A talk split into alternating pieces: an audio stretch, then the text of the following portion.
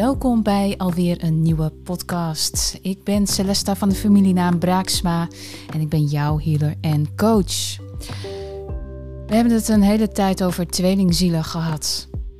Dat lijkt allemaal heel mooi en aardig, zit ook minder leuke dingen aan, omdat je vooral jezelf tegenkomt. Voordat je in dit soort processen belandt, gebeurt er meestal iets voor die tijd. De meesten onder ons hebben moeten ervaren in de vormen van angst, in de vormen van een stukje afhankelijkheid. Hoe je het noemen wil, het zijn negatieve motivaties die ons de ervaringen geven in het leven. Daarin maken we vaak ook de narcist mee, of de psychopaat, sociopaat, hoe je het noemen wilt. Er zijn mensen die allergisch zijn voor het woord narcist. We zullen het beestje bij de naam moeten noemen om het gewoon duidelijk te maken in wat voor context iets wordt gezegd. Het is een stukje verduidelijking, net zo goed als dat je een tweelingziel ook benoemt. Terwijl het in feite je andere helft is of een zielendeel van jou. Ik zal het ook uh, benoemen in de hij-vorm, omdat ik een vrouw ben. En natuurlijk zijn er ook mannen onder ons die een bepaald zielendeel hebben of juist te maken hebben gehad met een vrouwelijke narcist. Dus ja, het is voor jou eventjes de beleving in jou, jouw eigen uh, wereld, in hoe ik het vertel. Dus ik geef je het beeld uh, van wat er gebeurt als. Nou, wat gebeurt er bij geen contact met de narcist na een relatie? Als de relatie met deze persoon over is, dan vraag je je vaak af: mist hij mij? Jij kunt die ander wel missen, maar heeft hij in dit geval ook diezelfde gevoelens. Nou, vaak merk je dat er geen spijt is, verdriet of verlies. En dat voel jij dan weer wel. Het raakt de ander niet. Misschien hoop je dat er een kans bestaat om de relatie nieuw leven in te blazen. En wanneer jij je afvraagt of de narcist jou mist, ben je je eigen gevoelens, verlies of verlangen aan het projecteren op hem. Een narcist denkt niet zoals dat jij doet en ervaart niet dezelfde emoties. Hij opereert alleen maar vanuit zijn ego. Soms zeg ik ook wel eens van, ja, weet je, tegen een robot win je het ook niet. Um, als jij daar iets zou tegen zeggen, het is net zo'n betonnen muur. In echo krijg je eigenlijk alles van jezelf weer terug. En zo werkt dit ook een beetje. Het is daarom ook projectiemechanisme. Als er geen contact is, gaat een narcist jou opzoeken. Hij wil toch de aandacht om grip op jou te krijgen, omdat hij degene is die zichzelf belangrijk vindt. En dan zit je dus weer in dat ego. Waar kun je dingen aan herkennen? Dit is relevant voor mensen die er nog in zitten of die er net uit zijn. Of dat je na een langere tijd zoiets hebt van: hé, hey, maar wat gebeurde er eigenlijk? Wat heb ik toegelaten? Heb ik wel mijn grenzen omhoog gezet? Wat is er eigenlijk in die situatie gebeurd waardoor de dingen nu zijn zoals ze zijn? Als allereerste is er vaak boosheid en woede. Wanneer je geen contact hebt met de ander, dan is de eerste emotie het voelen van boosheid en frustratie. Hij is gewend om je onder controle te houden en je afhankelijk van hem te maken. Dus daar zit die codependency in, hè? die afhankelijkheidspositie van jij kan niet zonder mij. Nou, dat kun je wel, maar het wordt zodanig erin geprogrammeerd. Ja, je gaat er op een gegeven moment in geloven dat je niet zonder de ander kan. Want um, het is het idee, net als met die tweelingziel, je voelt een stukje compleetheid. Alleen is er een deel van jou wat in de ander zit.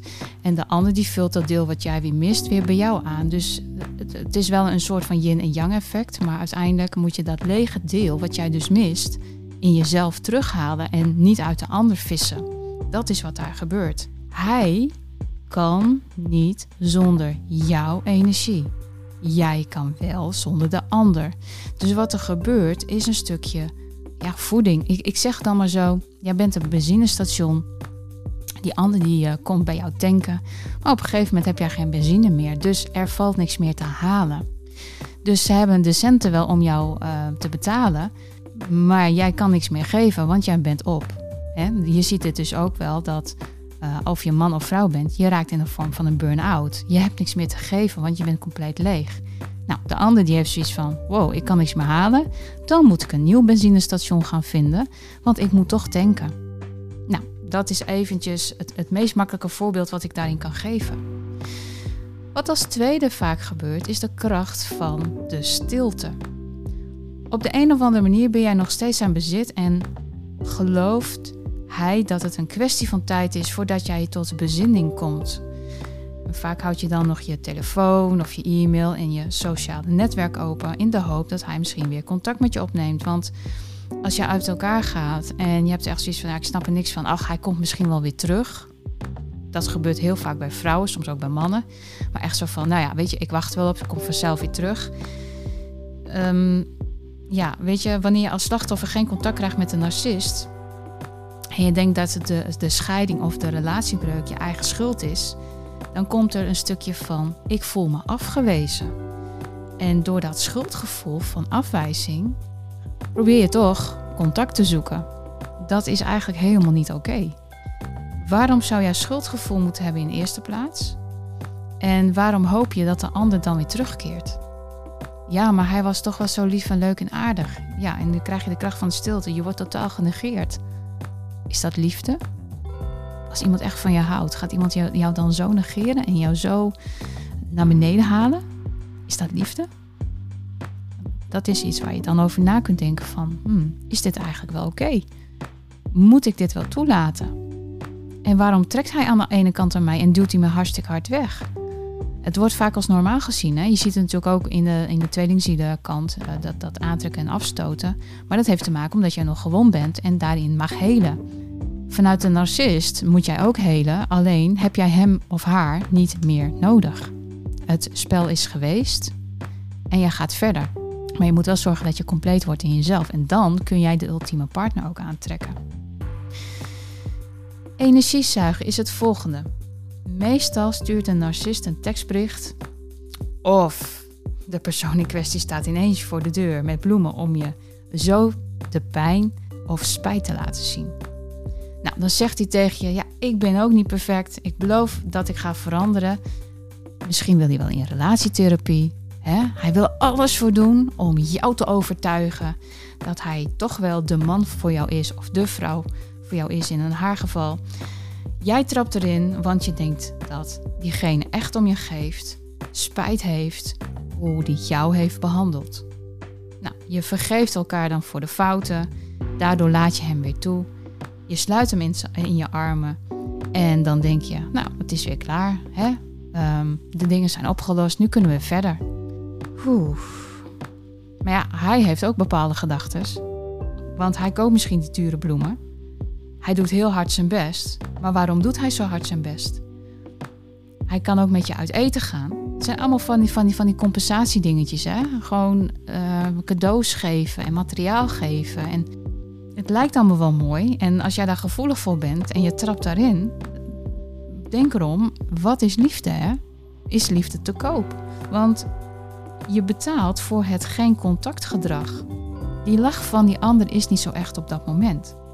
Van jou wel, maar van de ander niet. En dan wordt het toneel gespeeld. Jij bent veel gelukkiger dan dat de ander is. Liefde in ruil aandacht. Is dat eerlijk? Is dat oké? Of is liefde iets wat spontaan moet zijn, wat je van elkaar mag voelen? Je kan liefde niet kopen. Het is heel makkelijk om gewoon te zeggen: Ah joh, uh, je krijgt dit en dat van me. Hè? Dan is alles weer oké. Zo van: uh, Weet je, je moet lekker je mond houden. Ik koop dit en dat en uh, het is klaar toch? Wat, wat, wat, wat zeur je nu eigenlijk? Dat is vaak ook hè, wat er gezegd wordt: van, Weet je, je moet niet zo moeilijk doen. Wat zeur je nou? Je hebt dit en dat toch van me? Hè? Het is nou klaar. We gaan toch in relatietherapie, dus ehm, alles is opgelost. Weet je wat ook nog zo is met relatietherapie? Dat is de ervaring en dat is ook wat ik bij anderen zie. Soms heb je twee of drie gesprekken met zo'n therapeut die vaak ook niet echt goed kan leiden. Het is maar net wie je treft. En als je pech hebt, dan tref je niet de goede. Um, dus je hebt twee of drie gesprekken en vervolgens loopt de ander er eigenlijk lachend met jou weg. Want wat er vaak gebeurt is dat alles op jou wordt geprojecteerd. Jij bent degene die uh, het allemaal verkeerd ziet en die het dan allemaal uh, ja, de schuld overal maar aan heeft, laat ik het zo maar zeggen. Want dat wordt gewoon bij jou in de schoenen gedrukt. En als jij daar gevoelig voor bent en je hebt zoiets van, nou ja, oké, ja, ja, goed, ja, uh, relatie, ja, twee mensen, ja, dan, ja, twee vechten hebben twee schuld, dus ja, ik zal ook wel mijn aandeel hebben. Nou ja, goed, ja, nou ja, misschien is het dan wel zo, hè. Ja, dan hebben we eigenlijk ook uh, geen gesprekken meer nodig. Nee, dan is het klaar inderdaad. En vervolgens gaat het hele cyclus gaat weer verder. Dus je komt geen, eigenlijk kom je geen klap verder, want de ander die projecteert het op jou, die is zijn deel kwijt. Jij zit er nog steeds mee, dus er is eigenlijk helemaal niks opgelost. Dan het volgende. Vreemd gaan. De narcist heeft in dit geval een andere vrouw, waarvan hij zegt dat hij haar nog maar net kent. Maar in werkelijkheid zien ze elkaar al maandenlang achter jouw rug om. En dan gaat hij zich vertellen: Ja, maar ik voel me wel eh, een beetje eenzaam in de relatie. Want uh, ja, je houdt het contact af en uh, krijg je niet aandacht genoeg. Hou je eigenlijk wel van mij? Hou je eigenlijk wel van mij? En dat zal dan de reden zijn dat hij ja, een, een, een ander pad inslaat, een ander heeft gevonden. Maar hij wil nog steeds met jou in die relatie werken, dat dan weer wel. Eigenlijk wat hij op dat moment doet, is het pad schoonvegen, zodat jij niet slecht over de ander kan praten. Dus dit is eigenlijk al een signaal dat er met je gespeeld wordt. Uh, en dat er een soort van driehoeksverhouding plaatsvindt. Want op het moment dat jullie nog een relatie hebben, of je bent zelfs nog getrouwd, en de ander zegt ja, maar ik ga niet vreemd. Nee, um, je hebt haar gezien, je weet ervan. En um, nou ja, goed, ja, maar we zijn getrouwd. Nee, maar ik ga niet vreemd. Dat zie je toch? Je, kent haar, je hebt haar nu ontmoet en je weet wie het is. En uh, nou ja, ik ga gewoon zo verder. En uh, nou, ik ga helemaal niet vreemd. Hoe kom je erbij? Er gebeurt iets in jouw brein wat heen en weer geslingerd wordt. Waarvan jij denkt van, ja, maar wacht eens even. Die klopt toch niet? Snap je? Dus je wordt zodanig uh, mentaal, emotioneel bespeeld. Dat je zelf op een gegeven moment niet meer weet wat nu eigenlijk de waarheid is. Of wat er überhaupt. Ja, je weet het natuurlijk wel, maar vanuit je hoofd word je alle kanten opgeslingerd. Alsof jij het niet meer goed ziet. Maar jij bent niet degene die gek bent. Ja, en, en misschien heeft hij de wens wel uitgesproken om er nog een vrouw naast te hebben. Die zijn er genoeg die dat uh, willen. En dan ja, sta jij in de basis wel. Misschien in een gezin. Uh, misschien heb je ook wel kinderen. En vervolgens gaat hij gewoon met een andere leuke dingen doen. Ja, dat, is, dat gaat natuurlijk. Eigenlijk gaat het nergens over. Reden genoeg om geen contact meer met de ander te hebben. Dit hoef je niet te accepteren. Als diegene dan bij die ander wil zijn en het is met jou toch niks meer waard. Nou, weet je, laat elkaar dan los. Het heeft geen zin. Moet jij dan nog tijd en energie in iemand investeren die totaal eigenlijk niet meer voor je gaat? Er is niks meer. Is er dan ooit wel wat geweest, kun je dan afvragen. Is er ooit echte liefde geweest? Nou, aangezien het allemaal projectiemechanisme is, heb jij heel veel gegeven ten tijde van je relatie, afhankelijk van de duur. Uh, in mijn geval, ik was 12 jaar samen, maar er zijn ook mensen die zijn wel 25 of, of, of 40 jaar samen. En die dit al heel lang zo meemaken en er gewoon niet uitstappen. Het doet heel veel op mentaal en emotioneel gebied wanneer dit soort dingen spelen. Dus dat iemand niet eerlijk met je is. En het is de overtuigingskracht van de ander die maakt dat jij erin meegaat. Dus hoe overtuigender de ander is, dan zit je al, en dan komen we bij het volgende, in de vormen van psychopaat, sociopaat. Want in feite zijn ze dat ook. En de een heeft een milde vorm, de ander heeft een wat extremere vorm. Maar er gebeurt wel wat.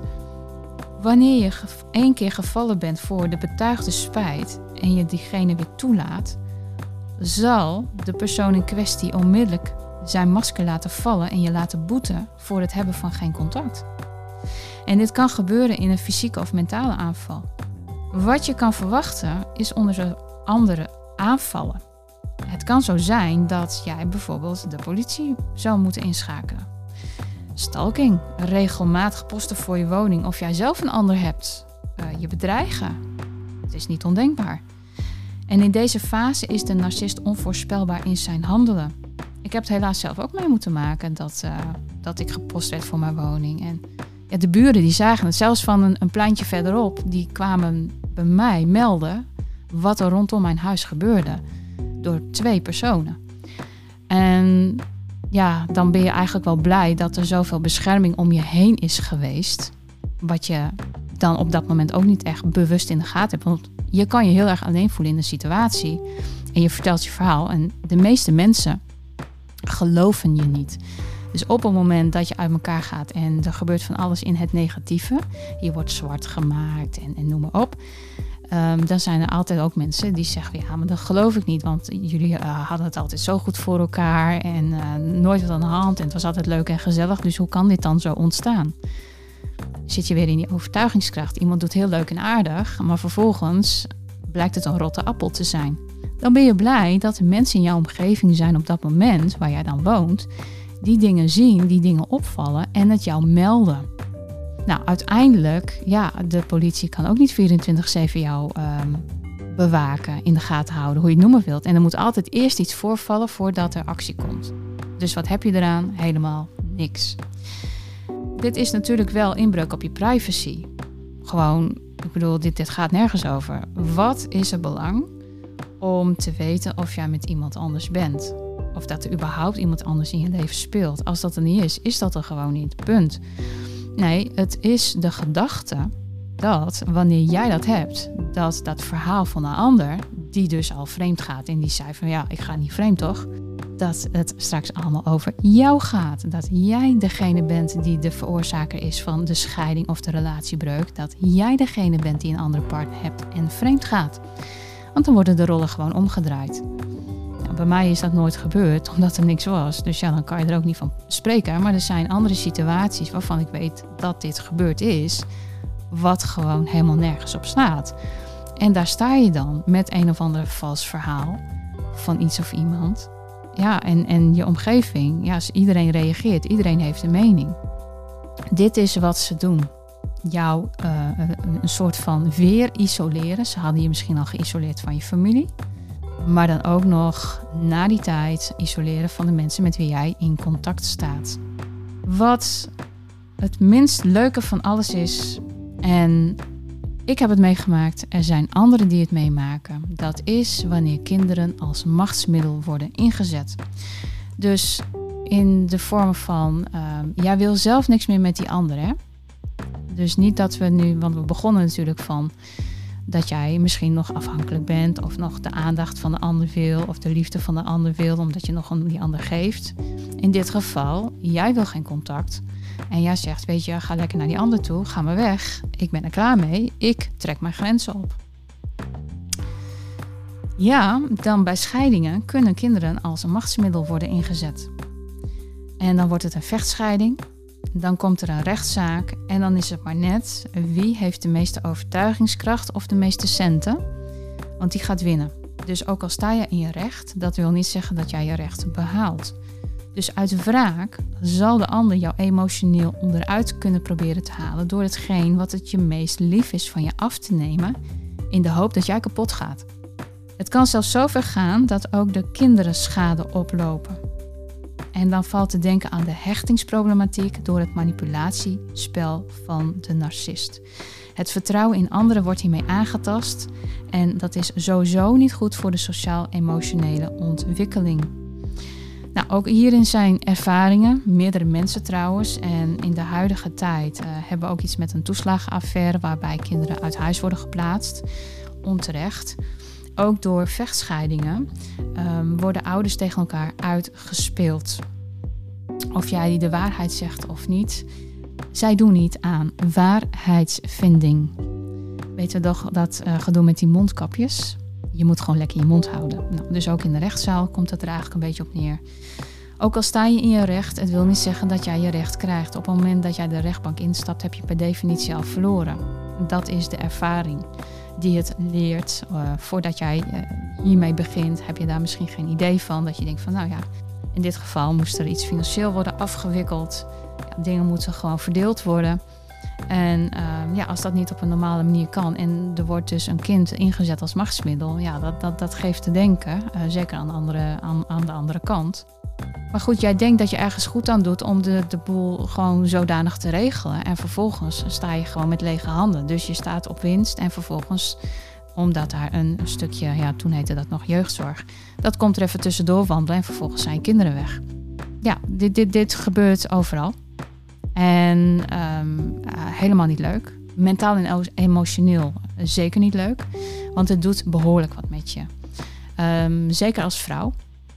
Omdat jij natuurlijk negen maanden een kind hebt gedragen. Nou, in dit geval meerdere. Dus het, het, het is heel raar dat iemand, zoals een rechtbank of een, een gezinsvoogd, even gaat bepalen hoe jij met je kind A om moet gaan. En ehm, dat ze dan maar niet meer bij jou mogen komen. mogen zij dat bepalen? Jij bent toch die ouder? Nou, op het moment dat je als persoon in de rechtbank staat, heb je al verloren. Een mens gaat niet eens naar de rechtbank, maar goed, dan komen we nu in deze tijd achter dat qua autonomie dingen anders werken.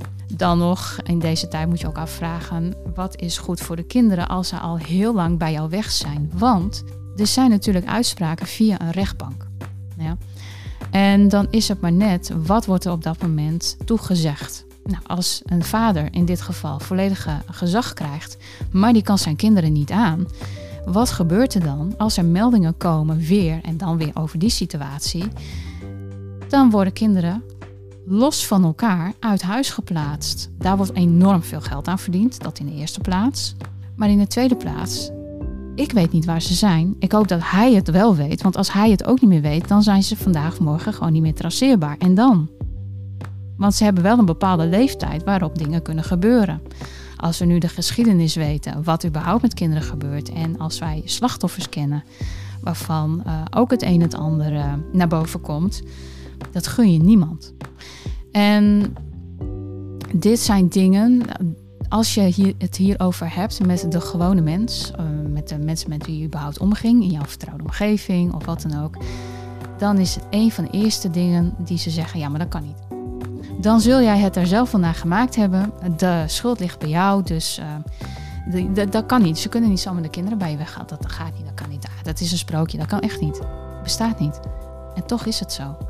En er zijn meerdere met mij waarbij dit is gebeurd. En zowel in, als, als man of als vrouw. Geslacht maakt niet eens uit. we zeggen wel altijd, ja, maar die vaders en dit en dat. En uh, ja, die vrouwen, dat samen van die heksen, die krijgen alles voor elkaar. No way. Het gebeurt ook dat vrouwen hun kinderen verliezen. Laat daar geen oordeel op zijn. Wel dat dit gewoon gemene spellen zijn die nu ja, boven water komen. Want nu ineens hebben we het over zo'n toeslagenaffaire en komen dingen naar boven. En nu ineens geloven mensen het wel. Terwijl acht jaar geleden wilde niemand naar luisteren, want jij zal het wel zelf gedaan hebben. Weet jij wat dat met iemand doet? Mentaal, emotioneel, als dat tegen jou gezegd wordt. Wie ben jij dan om dat dan te zeggen? Of zit jij in diezelfde hoek van die narcist? En dat klinkt hard. Maar als jij daar geen empathie voor kan opbrengen, dat jij maar oordeelt vanuit ego, ja, dan zal jij het er zelf naar gemaakt hebben, dan valt daar ook iets over te zeggen. Kinderen zijn altijd loyaal naar beide ouders. En ook zij kunnen worden gebrainworst. Wat gebeurt er op het moment dat een narcist zodanig met dat kind bezig is dat jij in een kwaad daglicht wordt gesteld, dan wil die, dat, dat kind niet meer naar jou toe. Dus dan komt er ook nog een stukje ouderverstoting. Zowel de verstoten ouder als het kind wordt geraakt in zelfliefde en eigenwaardering. En vaak lijken ze ook heel erg sterk op elkaar door hun zeer empathisch vermogen. En ook hierin geldt dat de overtuiging van een narcist zo sterk kan zijn dat instanties die kinderen begeleiden worden misleid en kiezen voor de verkeerde partij. Kijk, als jij een goede GGZ-instelling hebt, kan een narcist in dit geval worden ontmaskerd. Dus iemand met die overtuigingskracht, die zich voordoet alsof hij geweldig is. En oh, ik heb een gezin en nieuwe partner. En oh, we krijgen ook een kindje, dit en dat. Ja, we zijn geweldig en zij is maar alleen. Ze heeft geen partner, dus dan kan je toch geen kinderen opvoeden? Er zijn best wel mensen die daar doorheen kunnen prikken. En het kind kan daardoor beter begeleid worden. Maar als de narcist dat in de gaten heeft, echt, dit is ook ervaring. Oh, um, wij moeten even toestemming hebben voor een andere instelling, want hier redden we het niet bij. Dus we gaan even via een andere weg. Dus jij moet even toestemming geven, want deze begeleiding, dat gaat niet. Nee, omdat hij ontmaskerd werd. De. Goed, dat, dat zijn dus ook dingen. Je wordt dan weer van het kastje naar de muur gestuurd. Dit moet geregeld worden, dat moet geregeld worden. En, en jij bent zelf eigenlijk de grip kwijt op je kinderen. Dat is het meest erge. Nou, vervolgens verlies je mogelijk nog je gezag. En dan is het hek van de dam. Want op het moment dat jij geen gezag meer hebt, dat het zo ver komt, en dus dan spreek ik ook wel van extreme vormen, want dan gunt de ander je echt niks. Ja, dan, uh, dan ben je gewoon de kinderen kwijt. Je weet niet meer waar ze zijn, je weet niet meer wat er met ze gebeurt. Er wordt van alles beslist. Nou, in dit geval in, kunnen kinderen dus uit huis worden geplaatst. En dan hoop je maar dat ze bij een ander, waar ze dan ook maar zijn, goed worden verzorgd. Want dat weet je dus niet.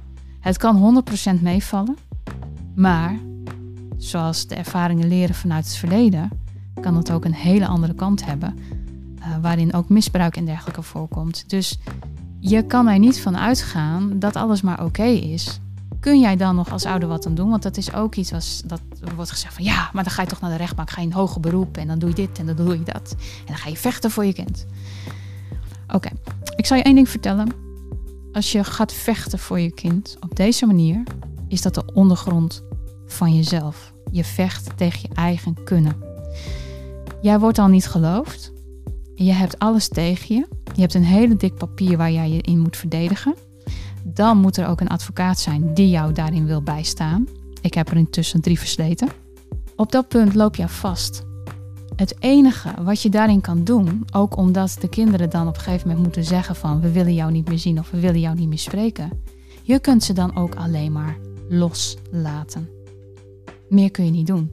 En hopen dat ze uit vrije wil, wanneer ze wat ouder worden, ze zijn tenminste eens bijna volwassen, dat ze dan weer naar je terugkeren. Want de liefde die jij hebt voor een empathisch kind, die zal altijd gevoeld worden. Daar kan geen narcist tussen komen. Dus energetisch blijf jij dat contact wel houden. Het is alleen in de fysieke toestand lastig dat je totaal niet weet wat er gebeurt. Helemaal niet. Dus ja, ik zeg dan, hopende dat degene die nu voor ze zorgen, dat dat gewoon goed gaat. Menige ouder zit hierin. En het zijn er meer dan dat wij in de gaten hebben. Het is dus niet altijd even gemakkelijk om te zeggen: ja, we gaan maar even in hoge broek en we trekken de handel terug. En uh, ook als je zelf een nieuwe partner krijgt of wat dan ook, dat je zegt: van, nou, we gaan dit samen doen. Er zit, er zit geen garantie op, want het is maar net wat besluiten ze in die rechtbank. Alles is van tevoren al bepaald. Dus je verliest het per definitie. Het is wel heel erg dat dit gebeurt. Dus dit doet heel veel mentaal-emotioneel iets bij jou als mens. En eigenlijk zou dit helemaal niet moeten kunnen, want je zult, als je ooit voor dit hebt gekozen uh, met elkaar en je hebt dus kinderen en je gaat uit elkaar, dan moet je gewoon voor zorgen dat dingen in goede banen worden geleid en niet elkaar het leven zuur gaan maken. Ja, en in dit geval heb ik gezegd van ja, weet je, hey, ga lekker verder met die ander. Zwaar. Weet je, als er, als er niks meer is, dan is er niks meer. Klaar. Uh, dan, kan je, dan kan je op je kop gaan staan. Je kan dubbeltje gaan schieten. Maar als er niks meer is, wat zal jij nog aanhouden?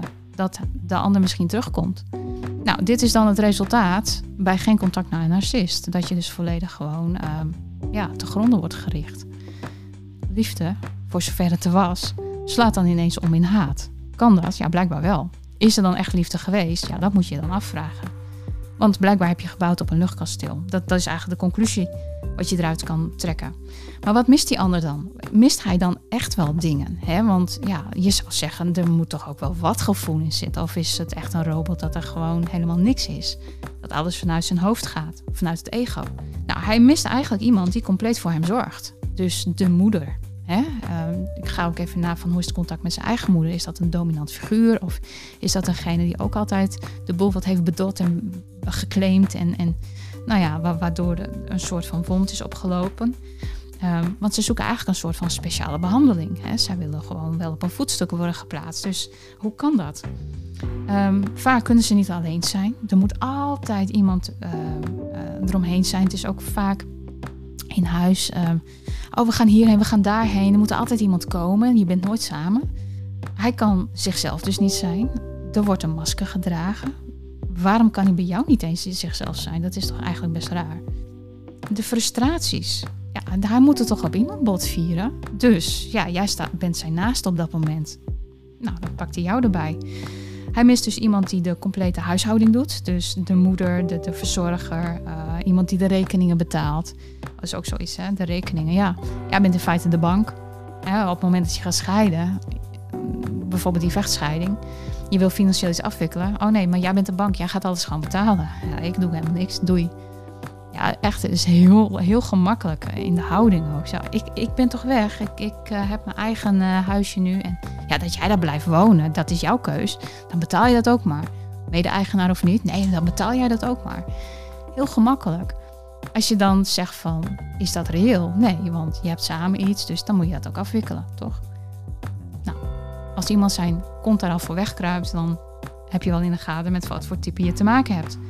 Het is zo van, oké, ik laat alles vallen en uh, nou ja, dan ben ik toch weg. Maar dan doe ik ook niks meer. Hij mist iemand die hem adoreert. Ja, dat is dat, dat op een voetstuk plaatsen. Hè? De, degene is gewoon geweldig. Maar je bent geen God. Ze voelen zich misschien wel zo, maar dat, dat zijn ze niet. En ja, als laatste, geen verantwoordelijkheden nemen. Dus alles is een illusie, wat dat betreft. Jij bent degene die zich verantwoordelijk voelt voor alles. En de ander die doet er gewoon helemaal niks mee. Die loopt gewoon weg voor alles wat er is.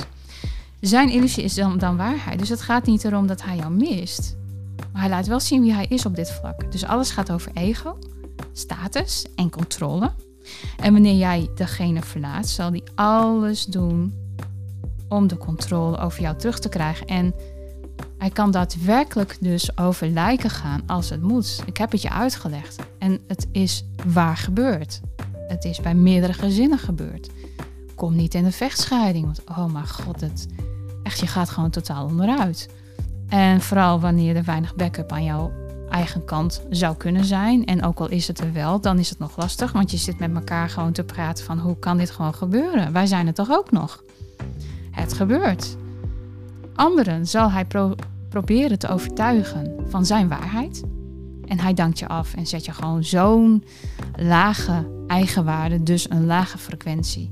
Dat je gewoon geen vertrouwen meer hebt in jezelf. Of dat je twijfelt aan jezelf. Of ja, dan moet je ook afvragen in hoeverre heb ik nog zelfliefde. En dat zie je dan ook weer naar die tweelingzielenkant. Daar word je dus direct in gespiegeld. Zelfliefde en eigenwaardering. Dus je komt uit deze rotzooi. En vervolgens maak jij de stap op weg naar jouw zelfliefde. Dat, dat is een transformatieproces aan zich. Nou, dan hebben we ook nog een andere laag. Want het is niet alleen maar in de relaties op zich. We hebben ook vriendschappen of collega's. Daar komen ze ook in naar voren. Alles was tot nu toe herkenbaar. Bij vriendschappen of collega's kan ook woede of boosheid of de kracht van de stilte worden gebruikt, energie zuigen. En je merkt het direct als je in contact bent, ze bent geweest. Na die tijd kun je heel erg moe worden of aan jezelf gaan twijfelen. Want wat heb jij verkeerd gezegd? Waarom word je doodgezwegen? Waarom voel jij zoveel boosheid en verdriet na zo'n gesprek? Het is dat jij dan zo gevoelig bent op dat spanningsveld dat wordt gecreëerd, dat jij ja, wordt gedwongen de schuld is bij jezelf te zoeken.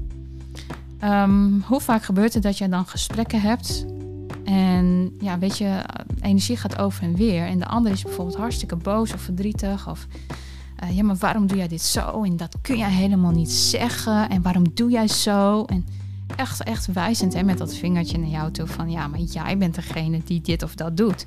En dan sta je echt zo van, maar wacht eens even, waar gaat dit over? Dit gaat toch niet over mij, dit gaat over jou. Op het moment dat je erin zit, neem het eerst op. Dus je hebt echt zoiets van, nou ja, misschien heeft die persoon ook wel gelijk. Want ja, waar twee vechten hebben, twee schuld.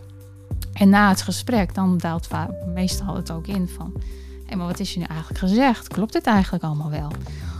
Op dat moment heb jij alles al geabsorbeerd, zit het al in je systeem, word je hartstikke moe. Wanneer je merkt dat iemand dit doet, stelselmatig, en dat je er ook klaar mee bent, of je herkent het wat sneller, ik zeg altijd talk to the hand, stap eruit, stap uit het gesprek. Oh, wacht even, dit is niet van mij, dit is van jou. Wil jij het even bij jezelf houden? Waarom vertel jij mij dit? Ik heb hier geen boodschap aan. Of je neemt even pauze in de zin van het is een, een meerdere van je, een collega of een leidinggevende, die uh, ineens uitvalt of wat dan ook. Even uit het gesprek stappen en laten weer terugkomen. Want wat gebeurt er op dat moment? Jij wordt boos, er komen emoties, spanning loopt hoog op. Dus jij gaat ook actie, reactie, reageren. Dat gaat niet werken. Dat wordt alleen maar erger. En dan krijg je een conflict. Stap even uit het gesprek, om er later weer op terug. Wanneer je wat rustiger bent, dat jouw vortex is gaan werken. Dat je denkt van, hé, hey, wat gebeurt eigenlijk in deze situatie? En moet ik hier überhaupt wel op reageren? Wat wordt er daadwerkelijk gezegd? In deze gesprekken kan de narcist ook het hele verhaal overnemen door te vertellen dat hij of zij het ook heeft meegemaakt. Iemand is een verhaal aan het vertellen En dan uh, is er een bepaalde emotionele situatie en dan komt er iemand eroverheen. Oh, maar dat heb ik ook meegemaakt. En oh, dat is nog veel erger dan wat jij hebt, joh. Ja. En het slachtoffer wat dan zit, wat eigenlijk even het verhaal wil doen, omdat diegene ergens mee zit, wordt op dat moment gewoon monddood gemaakt. Je kan gewoon niks meer zeggen. Dus alle aandacht gaat naar diegene die het nog veel erger heeft meegemaakt. En vervolgens zit dat slachtoffer daar zo van, ja, ik was een verhaal aan het vertellen. En eh, ja, nu, uh, nou, nu hoeft het niet meer. Dus er komt ook niks meer uit. En dat is eigenlijk best wel erg als, als iemand dat doet. En ook dit is ervaring. Ehm, dat je dat gewoon ziet gebeuren bij anderen. Dat je denkt van, ja, maar waarom doe je dat? Waarom ga je er overheen? Waarom ben jij op dat moment zo belangrijk? Dus ja, het, het verhaal niet af kunnen maken, dan, dan kan er ook frustratie ontstaan. Want meestal houden mensen hun mond dicht totdat de slachtoffer zegt van, ja verdorie, nu doe je het weer. Ik wil nu mijn verhaal eens even afmaken. En dan ontstaat er ook een conflict. Want diegene gaat opstaan, letterlijk. En die zegt er gewoon wat van. Wat aan de ene kant ook wel goed is. In deze situatie kun je natuurlijk er ook voor kiezen, als je in een groep zit waarbij dit gebeurt, om gewoon allemaal de boel te negeren. Waardoor er geen aandacht is naar diegene die probeert te overtuigen van het verhaal dat nog sterker is. En dan houdt het eigenlijk ook wel op. Want op de een of andere manier voelen ze dat dan wel. En ja, dan er is niemand niet meer die luistert. Dat vinden ze niet leuk. Het komt regelmatig voor, dit soort dingen. Je zult het ongetwijfeld ook wel herkennen, misschien in je eigen situaties. Je denkt van, oh ja, ja. Of ik heb ook zoiets met mijn leidinggever. Die wil altijd maar um, de beste zijn. Of dan heb ik een idee en dan bespreek ik het en dan moet ik het eigenlijk uitvoeren. Maar dan gaat de ander er eigenlijk mee weg. Dan heb ik iets bedacht, maar iemand anders voert het dan uit. En dan is mijn idee gestolen. Dat gebeurt ook heel vaak. Het zijn altijd van die dingetjes. Maar goed. Laat deze personen gewoon niet meer toe in je leven. Dat is het meest simpele wat je kan doen. Want je zal altijd terugvallen in het oude gedrag. En daarmee word je niet gelukkig. En bedenk goed dat het gedrag van die ander. Nou, 9 van de 10 keer is er niet te veranderen, want ze willen het niet. Er mankeert ze niks, ze zijn geweldig, ze zijn super, ze hebben geen hulp nodig. Dat zeggen ze ook gewoon. Ik heb geen hulp nodig, jij moet hulp zoeken. Ja, er is alles met jou aan de hand. Ja, maar dat ligt niet aan mij. Je moet het even bij jezelf gaan zoeken. Dat is het eerste wat ze zeggen. Dan ga je vaak ook nog twijfelen. Je weet wel hoe het in elkaar steekt. Je weet het wel. De ander ga je niet veranderen. Wat je wel kan doen is jezelf veranderen. En daarvoor kiezen om te zeggen van... Weet je, onze tijd is geweest. We nemen afscheid van elkaar. Het wil op deze manier niet. Want je wil niet continu dat conflict hebben of die frustratie of die woede. Het is voor jou niet goed, want jouw energie gaat omlaag. En die ander voedt zich omdat jij energie geeft. Dus of jij positief bent of je bent negatief, in alle gevallen geef je energie. Heb je er wat aan? Helemaal niks. Vaak speelt er een onherstelbaar diep geworteld trauma bij de ander, ja, eigenlijk vanuit de jeugd al, op deze achtergrond. Dus er is altijd een reden waarom zij zich zo superieur wil voelen, waarom zij die aandacht willen hebben, enzovoort, enzovoort. Dus eigenlijk, ja, we moeten het beestje bij de naam noemen om te zeggen van het is een narcist. Maar in feite is het een gewond persoon die een onherstelbaar diep geworteld trauma heeft. Het is niet aan jou om daar de therapeut voor te zijn of om daarin de moeder te zijn. Of wat je vaak hoort van, ja, maar ik vind het heel fijn om voor een ander te zorgen. Dan ben je een heel zorgzaam empathisch type en dat snap ik. Maar het is niet aan jou om je hele hebben en houden aan de ander te geven, want jij leeft het leven van de ander en niet dat van jezelf. En dit stuk zie je dan ook terugkomen wanneer er een. Uh, een zielenfamilie speelt, een tweelingziel, of, of in wat voor context dat het mag zijn. Want er zijn natuurlijk verschillende vormen waarop je mensen weer ontmoet, die jou een stukje helpen in jouw heling, omdat het bij jou namelijk wel kan.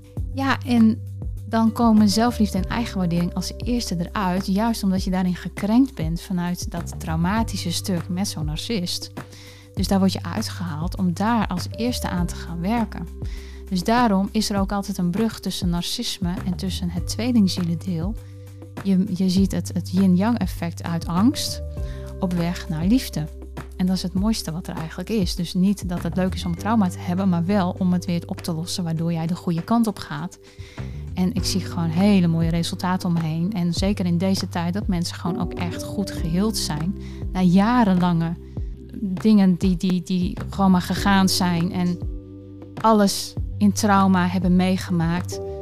Ja, er zijn zoveel verschillen. Je kan ook niet alles um, over één kam scheren, want er zijn gewoon, voor iedereen is het een persoonlijke weg. Hè, dat, dat moet ik er wel bij zeggen. Maar vaak komen delen wel overeen met elkaar. Dat het weer uh, samenkomt en, en dat je die weg naar liefde mag volgen. Dus het, het is een transformatieproces aan zich. Het is niet fijn. Het is een ervaring. Op de website heb ik een gratis e-book staan. Vijf dingen die gebeuren naar een narcistische of karmische relatie. Daarin staan nog wat eh, dingen in beschreven. Misschien interessant voor je. Ook de manier uh, hoe jij jezelf weer kunt helen. Um, ik gebruik daar eigenlijk spiritueel responstherapie voor.